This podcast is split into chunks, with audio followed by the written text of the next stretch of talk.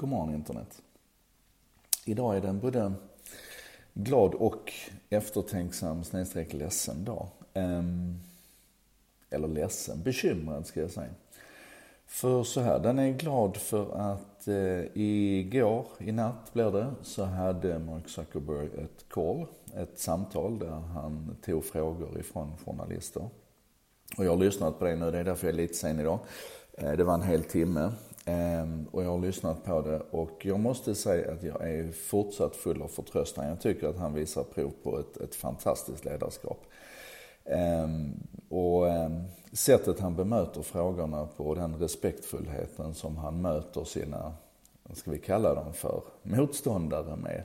Eller de, de som frågar honom, hans kritiker kan vi säga. Den respekt han möter dem med, den är helt enastående och där tycker jag att den svenska mediebranschen har lite att lära så säger vi inte mer om det. Jag rekommenderar er att ta en timme faktiskt och lyssna på den här, för den skapar stor förståelse för dels hur han ser på det som har hänt och dels hur han ser på, på framtiden och, och vad som fortfarande driver honom. Den är, den är 5 plus. Men sen är jag också lite ledsen då, eller bekymrad. Um, för så här, om vi, om, om vi backar bandet långt tillbaka i tiden så så fanns det en, eh, en strid mellan hur det här globala datornätverket skulle fungera. Eh, det vi idag kallar för internet. Vilka, vilka byggstenar som det skulle utgöras av. Och det fanns en massa sådana här designförslag som kommittéer hade kommit fram till om OSI-modeller och, och eh, eh, det fanns en massa, här hemma så slogs posten för något som hette X kommer inte ihåg nu vad det hette, men det var i alla fall ett datatransportprotokoll som var proprietärt och, och slutet och som posten då kunde ha full kontroll över och så. Det var så man från det etablerade samhället såg på saker och ting då, att den här kontrollen och, och, och säkerheten och, och allt det där, det var så otroligt viktigt.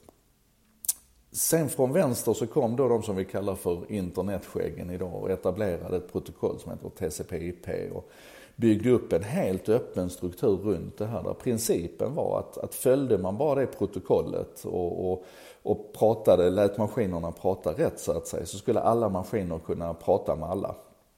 Och det här byggdes liksom underifrån då en slags idé om hur det här internetet skulle fungera som byggde på öppenheten. Så kom liksom DNS-standarden och så kom, kom Go for FTP. Alla de här standarderna har liksom varit öppet beskrivna och, och allting har byggt på, att, på interkommunikation egentligen.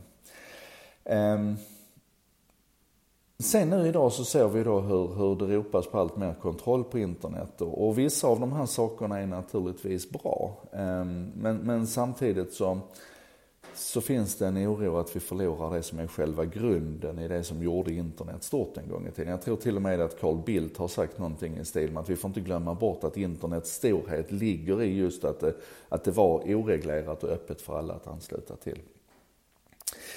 Um, nu ser jag att lite grann samma sak håller på att hända med Facebook. För parallellt då med, med det här callet som han hade så har man då lanserat en, en, en stor uppsättning nyheter om hur man stryper till möjligheterna för andra applikationer och andra utvecklare att interagera med Facebook. Och det som jag har sett som en stor styrka med Facebook, förutom visionen om connecting people som jag fortfarande håller högt, har ju varit den här öppenheten att det har varit möjligt för utvecklare att programmera och bygga tjänster ovanpå Facebook. Och nu stryper man det runt liksom event-API som har att göra med, med eventen på Facebook. Man, man stryper det nästan till, till ingenting längre. Eh, API runt grupperna som har gjort att man har kunnat bygga snygga statistikverktyg och sånt som hjälper gruppadministratören att hålla koll på grupperna. Alltså, det är så mycket man stryper och begränsar här nu. Och min känsla är att mm, en del av det här det gör man nog för att man tycker att det kanske på riktigt var lite för öppet. Men mycket av det handlar om att man att man har fått lite panik i ljuset av det här massiva medietrycket som har varit. Och det gör mig förbaskat ledsen, för samtidigt som, som man då förmodligen kommer i vissa kretsar och fira att man har lyckats pressa Facebook i den här riktningen, så ska vi som är lite nördiga och lite utvecklare nog vara ganska ledsna. För det här betyder samtidigt att, att Facebook blir en slutnare plattform och att mer kommer behöva ske inom plattformen. Det blir alltså inte den, den infrastrukturen som, som vi önskar att det ska vara. Nu ska vi inte gå för långt, jag ska inte deppa för mycket. Alla konsekvenser av de här begränsningarna är inte på plats än. Vi, vi får se lite grann hur det kommer att se ut. Men eh, ja, ömsom vin och ömsom vatten måste jag nog säga. Hur som helst, det här behöver vi fundera på. Jag tror att, att var och en behöver klura på sin relation till Facebook idag. Inte så, lämna Facebook, för det känns helt meningslöst i mina ögon. Utan att, att fundera på vad är det för Facebook vi vill ha framöver. Ehm, den här svåra balansen. Facebook, eller Mark Zuckerberg uttryckte det så bra i det här callet där han sa att, att för hans del så har det nog egentligen aldrig handlat om att försöka hitta balansen mellan att serva människor och att tjäna pengar. För han menar på att i det långa loppet så måste du serva människor för att kunna tjäna pengar. Så han håller dem högt. Men han säger att, att den svåra balansen har hela tiden varit att, att balansera människor mot människor. För människor vill olika saker. Och det där kan vi nog skriva under på allihopa. Mm, det blev lite långt idag. Eh, det är för att det här är mycket att processa. Det här är nog en av de, de tyngsta och viktigaste förändringarna som har, har skett i internetvärlden sen, eh, sen En sak idag började i augusti 2017. Um, ehm, anyway, vi kommer få gräva mer i detta.